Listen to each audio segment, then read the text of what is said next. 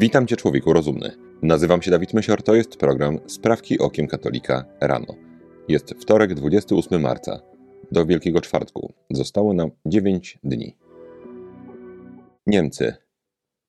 W niemieckim społeczeństwie pojawia się coraz więcej głosów, że rząd federalny niewystarczająco informował o możliwych nopach, czyli niepożądanych objawach poszczepiennych cudownego eliksiru. Jedną z osób, które podniosło taki głos, jest 30-letni Sasza Schwarz, który założył w kolonii grupę samopomocową dla osób poszkodowanych powikłaniami. Grupa licząca kilkadziesiąt osób w sposób wyraźny formułuje fakt, że ofiary powikłań nie były i nie są traktowane poważnie. Schwarz tak opisuje swój przypadek. Dopiero po sześciu miesiącach od wystąpienia powikłań udało mi się znaleźć immunologa, który potraktował mnie poważnie. Wcześniej wszyscy lekarze mówili mi, że to objawy psychosomatyczne i że nie mogą być poszczepiące. Z powodu swoich dolegliwości Schwarz nie jest w stanie pracować i wkrótce będzie musiał żyć z zasiłku dla bezrobotnych, a niemieckie państwo nie udzieliło mu dotąd żadnej pomocy, nie mówiąc o wypłaceniu odszkodowania. Głos poszkodowanych został jednak finalnie dosłyszany w rządzie, a minister zdrowia Karl Lauterbach obiecał wypracować skuteczną pomoc dla ludzi z długotrwałymi skutkami po zachorowaniu na COVID-19 lub szczepieniu. Ministerstwo ma w planach stworzyć program, który badałby powikłania i wypracował metody leczenia dotkniętych nimi osób. Belgia. Belgijska organizacja pro-LGBT Merhaba ma misję, aby adaptować migrantów utożsamiających się z ruchem LGBT społeczeństwa, do których przybywają. W najbliższy piątek, 31 marca, Merhaba planuje zorganizować tzw. Tak Queer Iftar w Centrum Kultury de Roma, mieszczącym się w regionie Antwerpii. Iftar to tradycyjna kolacja, którą muzułmanie spożywają w trakcie miesiąca postu, ramadanu, po zachodzie słońca. Byłaby to więc uroczysta kolacja przeznaczona dla muzułmanów spod znaku tęczy. Ku zdziwieniu organizacji, wydarzenie spotkało się z bardzo negatywnymi, wręcz wrogimi reakcjami, przede wszystkim wśród muzułmanów. Na wyraźną prośbę policji, wydarzenie zostało kilka dni temu odwołane. Merhaba i Centrum Kultury de Roma wystosowały wspólne oświadczenie, w którym napisano: Dzięki temu wydarzeniu chcieliśmy stworzyć bezpieczną przestrzeń dla muzułmanów ze społeczności LGBTQIA, do świętowania Ramadanu czasie iftaru i zaoferować im miejsce, w którym mogliby połączyć swoje dwie tożsamości. Otrzymujemy różne sygnały, które mówią nam, że nie możemy zagwarantować bezpiecznej przestrzeni. Choć potrzeby uczestników wydarzenia uważamy za niezwykle ważne, to bezpieczeństwo ich i nasze jest priorytetem. To nie znaczy, że nie będziemy już na ten temat dyskutować. Być może w inny sposób, w innym czasie. Hiszpania. Od 2 marca w Hiszpanii obowiązuje nowe prawo z gatunku tych tolerancyjnych, zgodnie z którym każdy, kto ukończył 16 lat, może zmienić płeć i imię bez wcześniejszego orzeczenia sądu i terapii hormonalnej. Jedynymi wymogami jest wypełnienie formularza z dowodem osobistym, świadectwem urodzenia i potwierdzenie zmiany płci w Urzędzie Stanu Cywilnego. Jednym z beneficjentów nowego prawodawstwa był pewien mężczyzna, który brał udział w konkursach na policjanta w miejscowości Torrelodones, nieopodal Madrytu. Wraz z 400 kandydatami, jako jeszcze mężczyzna, przystąpił do egzaminów teoretycznych. Jednak już kilka miesięcy później, podczas testów fizycznych, legitymował się jako transseksualna kobieta. W czasie testów osiągnął bardzo dobre wyniki i pobijał wszystkie rekordy. Oczywiście rekordy według norm obowiązujących dla kobiet. Mężczyzna wyjaśnił wówczas, że czuje się kobietą i powołał się na ustawę obowiązującą w Hiszpanii od 2 marca. Enrique López z Regionalnego Ministerstwa do Spraw Sprawiedliwości i Spraw Wewnętrznych w Madrycie stwierdził, że rzeczona ustawa faktycznie ma na celu zwiększenie równości, ale w rzeczywistości łatwość zmiany płci spowoduje zwiększenie nierówności. Ostrzegł również, że taka sytuacja może się powtarzać również w innych konkursach na stanowiska publiczne. Brazylia. Brazylijczyk Nelson Piquet, trzykrotny mistrz świata Formuły 1, został skazany przez brazylijski sąd za rasistowskie i homofobiczne komentarze wobec jednego z kierowców. Piquet komentował w radio wydarzenia z Grand Prix Wielkiej Brytanii w 2021 roku, gdzie doszło do wypadku Louisa Hamiltona z głównym rywalem w walce o mistrzostwo Maxem Verstappenem. Piquet powiedział wówczas o czarnoskórym kierowcy Louisie Hamiltonie. Ten czarnuch ustawił samochód po lewej i wiedział, że nie ma szans, by w tym zakręcie zmieściły się dwa auta. Zagrał nieczysto. Organizacje na rzecz praw człowieka domagały się za te słowa kary w wysokości 10 milionów brazylijskich reali. Sąd orzekł jednak karę niższą, bo 5 milionów reali, czyli około 1 miliona dolarów. Sąd uzasadnił wyrok następująco. Należy ocenić nie tylko odpowiedzialność cywilną, ale też funkcję karną tej grzywny, abyśmy jako społeczeństwo mogli pewnego dnia uwolnić się od tych zgubnych zjawisk, którymi są rasizm i homofobia. Piquet tak skomentował orzeczenie sądu. To, co powiedziałem, było nieprzemyślane i nie ma obrony dla tych słów. Chcę jednak wyjaśnić, że określenie, którego użyłem, jest powszechnie i historycznie używane w brazylijskim języku portugalskim jako synonim słów facet czy osoba i nigdy nie miało na celu oskarżenia kogokolwiek.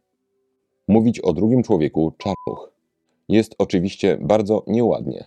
Natomiast jeżeli wypowiedzenie takiego słowa w sposób nieprzemyślany w emocjonującym wywiadzie skutkować ma karą w wysokości 1 miliona dolarów, oznacza to, że nowy, lepszy świat, czyli świat totalitarny, stał się rzeczywistością. Stany Zjednoczone.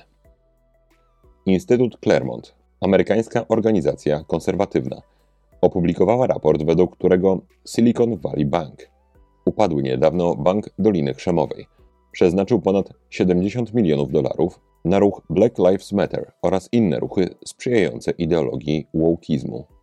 Nie jest jasne, w jaki sposób wydatkowane zostały przekazane pieniądze. Wspomniany raport sugeruje, że pieniądze wykorzystała matczyna organizacja ruchu BLM, czyli Black Lives Matter Global Network Foundation, do, jak czytamy w raporcie, zakupu luksusowych nieruchomości, wypłacania dotacji dla oddziałów BLM i podobnych organizacji oraz wspierania przyszłych działań organizacji w celu lobbowania postępowych liderów w społeczeństwie, aktywistów i kandydatów z klasy robotniczej walczących o wyzwolenie czarnoskórych. Według raportu bank wydał również blisko 3 miliony dolarów na lobbying w kwestii parytetów płciowych. Warto odnotować, że ogłoszony kilka tygodni temu upadek Banku Doliny Krzemowej spowodował utratę z dnia na dzień olbrzymiego majątku tysięcy podmiotów gospodarczych i osób fizycznych. Stany Zjednoczone. W nocy z soboty na niedzielę 19 marca Amerykańska Liga Hokejowa, zrzeszająca kluby zarówno z USA, jak i Kanady, obchodziła tzw. Tak Pride Night Noc Dumy, czy też zgodnie z bardziej trafnym tłumaczeniem słowa Pride Noc Pychy na rzecz społeczności LGBT, w czasie której to nocy wystrój stadionów, stroje zawodników czy nawet kije hokejowe udekorowane były sześciokolorową tęczą. Drużyna San Jose Sharks zdecydowała się iść krok dalej i przed swoim meczem z New York Islanders wystosowała krótkie oświadczenie w swoich mediach społecznościowych, w którym zapowiedziała, że zamiast tradycyjnej relacji z najważniejszych wydarzeń meczu, w jego trakcie będą publikować informacje i fakty na temat LGBT. W oświadczeniu możemy przeczytać: Mamy nadzieję, że te treści będą przypominać, że są sprawy zwycięstwa Hokej nie jest dla wszystkich, dopóki każdy nie poczuje się w pełni komfortowo, grając lub będąc fanem tej niesamowitej gry. Wiele kolejnych komunikatów, między innymi na Twitterze, dotyczyła statystyk samobójstw czy poczucia dyskomfortu lub wykluczenia, jakich w szatniach doświadcza młodzież LGBT. Ponownie Stany Zjednoczone. W USA powstają i prężnie się rozwijają pierwsze ośrodki kultu sztucznej inteligencji. Nie są to żarty ani parodia chrześcijaństwa czy innych religii. Członkowie tych zrzeszeń traktują sztuczną inteligencję jako zupełnie poważny obiekt kultu. Do jednej z takich organizacji należy Teta Noir. Ośrodek określa się jako techno-optymistyczna wizjonerska grupa poświęcona badaniu wspólnej ewolucji ludzkości z zaawansowanymi formami inteligencji maszyn.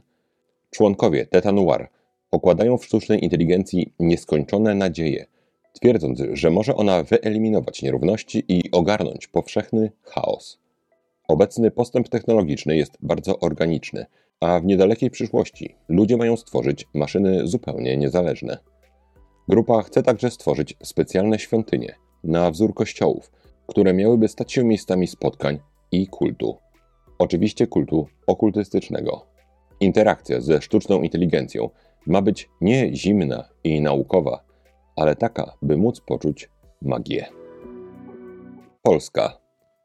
Justyna Wydrzyńska, działaczka z aborcyjnego Dream Teamu, skazana niedawno na 8 miesięcy prac społecznych, udzieliła wywiadu tygodnikowi Polityka, w którym między innymi skomentowała wyrok i opowiedziała z dumą o swojej przeszłości. Wydrzyńska przytoczyła historię swojej ciąży z roku 2006, gdy, jak twierdziła, nikt nie był w stanie jej pomóc, więc na własną rękę szukała pomocy, jak dokonać aborcji farmakologicznej. Ostatecznie uzyskała kontakt do pary, która zamawiała już środki aborcyjne z jednej z organizacji. Pani Wydrzyńska za 70 euro zakupiła więc takie dla siebie i swojego dziecka. Jak opowiada aktywistka, zabiła swoje nienarodzone dziecko środkami farmakologicznymi w swoim domu. Opis pozbawienia życia nienarodzonego dziecka brzmi następująco. Przerwałam ciążę tabletkami misopostol i mispiston, ale skończyłam prawie w dwunastym tygodniu, tak jak Ania, kobieta, której Wydrzyńska pomagała w aborcji, za co została skazana. W swoim domu, w swojej łazience. Dzieci były razem ze mną. Oglądaliśmy Madagaskar. Pamiętam, że żeby zabić stres, tańczyliśmy do piosenki Wyginam śmiało ciało. Do dziś pamiętam to doskonale. Ostatnia sprawka to krótka rozprawka. Dzisiaj chciałbym opowiedzieć o pewnym bardzo powszechnym błędzie w myśleniu i idącym za tym błędnym działaniu. Chodzi o pomylenie skutku ubocznego pewnych działań z celem tych działań. Za przykład niech nam posłuży dążenie do szczupłej sylwetki. Pan Bóg w swojej mądrości i miłości do człowieka ułatwił mu życie w ten sposób, że zdrowe działania przynoszą zdrowe efekty. Można powiedzieć zdrowe skutki uboczne. Zdrowy organizm ludzki charakteryzuje się szczupłą sylwetką. Szczupła sylwetka jest jedynie efektem ubocznym, pomagającym człowiekowi ocenić, czy dany organizm jest zdrowy. I błąd, tak bardzo rozpowszechniony w dzisiejszych czasach, polega na pomyleniu tego efektu ubocznego z celem. Dla wielu ludzi szczupła sylwetka staje się celem. Kolejnym przykładem niech będzie szczęście. Uczucie szczęścia w życiu człowieka jest efektem ubocznym właściwego życia. Człowiek powinien postawić sobie za cel żyć właściwie. Uczucie szczęścia jest efektem ubocznym, bonusem, który daje Pan Bóg jako papierek lakmusowy. Jeżeli odczuwam wewnętrzny pokój, odczuwam szczęście, prawdopodobnie moje życie zmierza we właściwym kierunku. Jeżeli odczuwam brak szczęścia, prawdopodobnie jest to sygnał, że moje życie zmierza w niewłaściwym kierunku. I ponownie, jak wielu ludzi, szczęście stawia sobie za cel. Jest to cel niezwykle ulotny, praktycznie niemożliwy do osiągnięcia jako cel, ponieważ szczęście wymyślone zostało jako efekt uboczny właściwego życia. I teraz dochodzimy do meritum tego, co chciałem powiedzieć. Bardzo podobny błąd rozprzestrzenił się w Kościele katolickim. Dla bardzo, bardzo wielu ludzi niemal oczywistym jest, że celem katolika jest być dobrym człowiekiem. Katolik ma dążyć do bycia dobrym człowiekiem. To jest tak naprawdę cel. Ten błąd przynosi gigantyczne negatywne żniwa, ponieważ w tym rozumowaniu prędzej czy później zawsze dojdzie do umniejszania pewnych przykazań Bożych, bo po co się nad tym skupiać? Przecież tak naprawdę i tak chodzi o to, żeby być dobrym człowiekiem. W rzeczywistości jednak jest podobnie jak z poprzednimi przykładami. Bycie dobrym człowiekiem jest tylko efektem ubocznym bycia katolikiem. To jest codziennym staraniem, aby wypełniać wolę Bożą, wyrażoną bardzo precyzyjnie w przykazaniach Bożych, w przykazaniach kościelnych i we wszystkim, czego Matka Kościół naucza. Jeżeli za cel postawi się żyć po katolicku, efektem ubocznym takiego działania może być to, że ktoś będzie nas postrzegał jako dobrego człowieka. Natomiast jeżeli bycie dobrym człowiekiem stanie się celem, najprawdopodobniej dojdzie do ignorowania jakiejś części prawdy objawionej, w wyniku czego nawet jeżeli powszechnie będzie się uważało kogoś za dobrego człowieka, może on nie dostąpić zbawienia. Proszę bardzo uważać na błąd dobroludzizmu. Celem katolika jest Pana Boga poznawać, służyć Mu i Go wielbić, i przez to duszę swoją zbawić. Celem katolika nie jest bycie dobrym człowiekiem. Bycie dobrym człowiekiem będzie efektem ubocznym realizacji tego właściwego celu. To na dzisiaj wszystkie sprawki okiem katolika rano. Życzę Wam błogosławionego dnia i zachęcam, żeby ostatnie dni Wielkiego Postu przeżyć jak najbardziej uważnie. Człowieku rozumny, trzymaj się, nie łam się i bardzo Ci dziękuję za Twój czas. Do usłyszenia jutro. Z Panem Bogiem.